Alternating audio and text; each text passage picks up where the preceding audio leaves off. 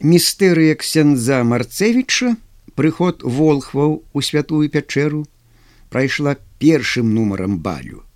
Гэта была самая нудная і абавязковая частка вялікай урачыстасці. Пан вашамірскі моршчыўся ад самага пачатку прастаўлення Ён толькі дзеля набожнай маткі сваёй згадзіўся прыняць гэта да пастаноўкі. Яшчэ перад тым, як згаслі свечкі ва ўсіх кандэлябрах у зале, пан скрытыкаваў містэрыю. Не пасуе для настрою сягонняшняга балю. Таксама непраўдзіва з боку евангелічных паданняў. Трэба ведаць, што ў наш век рэлігіі сярод адукаваных людзей, Але тут пан вашамірскі спыніўся, бо ўспомніў, што недалёка ад яго сядзіць яго маці, вельмі набожная і строгая. Пані вашамірская, праўда, нічога не сказала на такую заўвагу сына, але так набожна зірнула ў бок сяндзоў, якія сядзелі недалёка ад яе, што нават не гарманіравала з выгарасаванай пышнай вопраткай у якую яна была ўбрана. Яна так зварухнулася, што каты на яе каленях устрывожана мяўкнулі. Ксёнд Марцевіч быў за кулісамі. Ён не давяраў рэжысёру французу, сам кіраваў акторамі і наглядаў за імі ў часе ігры. Ксяндзы апусцілі галовы. Усе іншыя госці, якія падхапілі тон гаспадара, ужо былі падрыхтаваны адмоўна да містэрыі ксяндза марцевіча гэтым яны хацелі трапіць у тон пану вашамірскаму і угадзіць яму. Містэрыя цягнулася хвілін 20 ксяндзы калегі марцевіча скрытыкавалі містэрыю. Галоўнай прычынай тут была зайздрасць да аўтара які выбіваецца ў людзі. Адзін з ксяндзоў непакоіўся больш за ўсіх. Гэта быў айцец невысокага росту, тоўсценькі і кругленькі з лысінкай. Каб выглядаць вышэйшым, яго абуццё было на высокіх абцасах. Круглы, чырвоны твар зяў, нібы поўны месяц.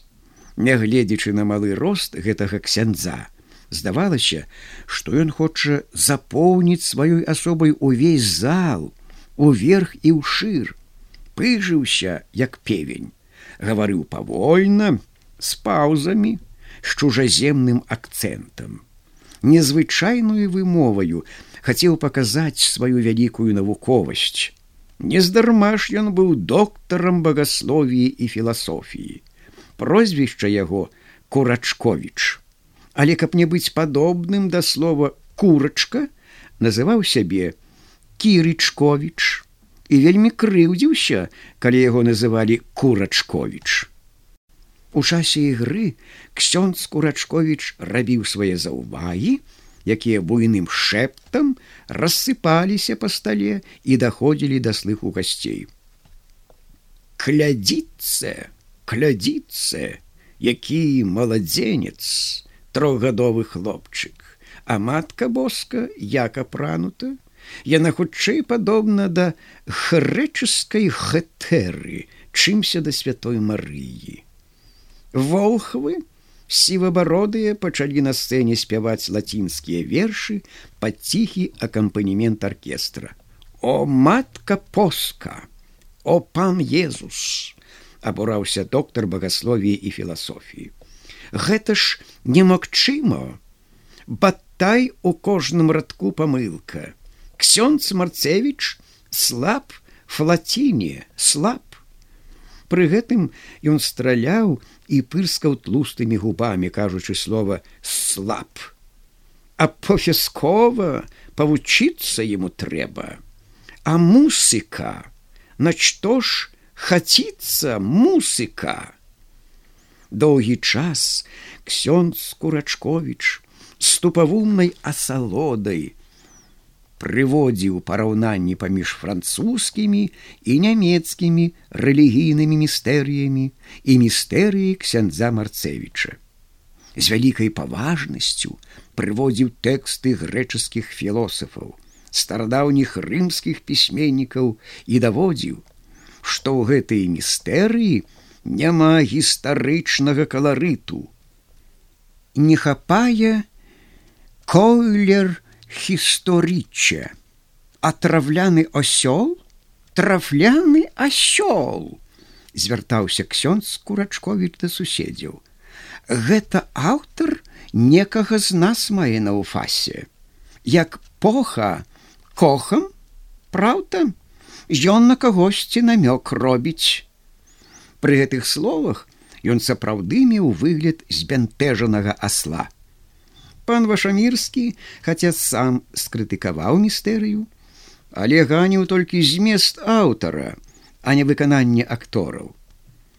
Але прычым тут акторы, Ойча вялебны, звярнуўся пан вашамірскі да ксяндза курачковіча з крыўдай і пагрозай у голасе. Прычым тут акторы? Ксёндз курачковіч пачуўшы небяспеку для сябе у панскім голасе спалохаўся смешна згорбіўся нібы галаву сутану хацеў схаваць і пачаў з ранейшай перакананасцю ў голасе гаварыць супраць таго што гаварыў да гэтага зноў тэкстамі сусветных філосафаў і пісьменнікаў ён даказваў, што пан вашамірскі мае рацыю. Тут ён зрабіў параўнанне з тэатрам Шекспіра і з іспанскай драматургіяй. Ігра дасканалая, яснавяльможны пане, дасканалая, прыцмокваў ён тлустымі губамі. У гэтую самую хвіліну младзенец Езус, трохгадовы хлопчык аканома заплакаў. Ён забыўся завучаныя некалькі слоў, якія яму трэба было казаць. Пан вашамірскі заскрыгатаў зубамі, ледзь стрымаўся, каб не крыкнуць ад злосці. Зайграла бравурная музыка, опусцілася заслона і лёкаі пачалі запальваць свечкі ў кандылябрах госці ў часе антракту пакуль рэжысёр рыхтаваў камедыю пакуль расстаўляліся новыя дэкарацыі на сцэне пачалі падмацоўвацца. Лёкаі спрытна налівалі кілішкі падавалі закускі пачаліся тосты ў чэсць гаспадара і самых ганаровых гасцей. У зале раздаваўся вясёлы гук і звон пасуды. Госці былі вельмі зацікаўлены панскім салаўём. Тое, што чалавек вырабляецца на сцэне па-чалавечаму, іх не дзівіла. А калі чалавек спявае як птушка, брэша як сабака, вые як воўк, мяўкае як кот, Вось гэта дзіва, Гэта варта паглядзець і паслухаць. За апошнія некалькі месяцаў госці наслухаліся пра салаўя шмат цікавых баек. Салаўя, хочам паслухаць спевы салаўя крыкнуў нехта. Салаўя! Салаўя раздалося з усіх бакоў пан вашамірскі усміхнуўся. Будзі салавей да месяца мая яшчэ далёка. Калі яснавяльможны пан захоча дык май месяц будзем адчуваць і ў каляды сыпнуў пану вашамірскаму камплімент ксёндз курачковіч. Пры гэтым ён пачаў новую філасофію. Старасветскія алхімікі даставалі золата з жалеза, а пан вашамірскі каляды на май пераробіць. Бо ў калядную ноч у яго палацах салавей заспявае: Салаўя, салаўя! крычалі нецярпялівыя госці.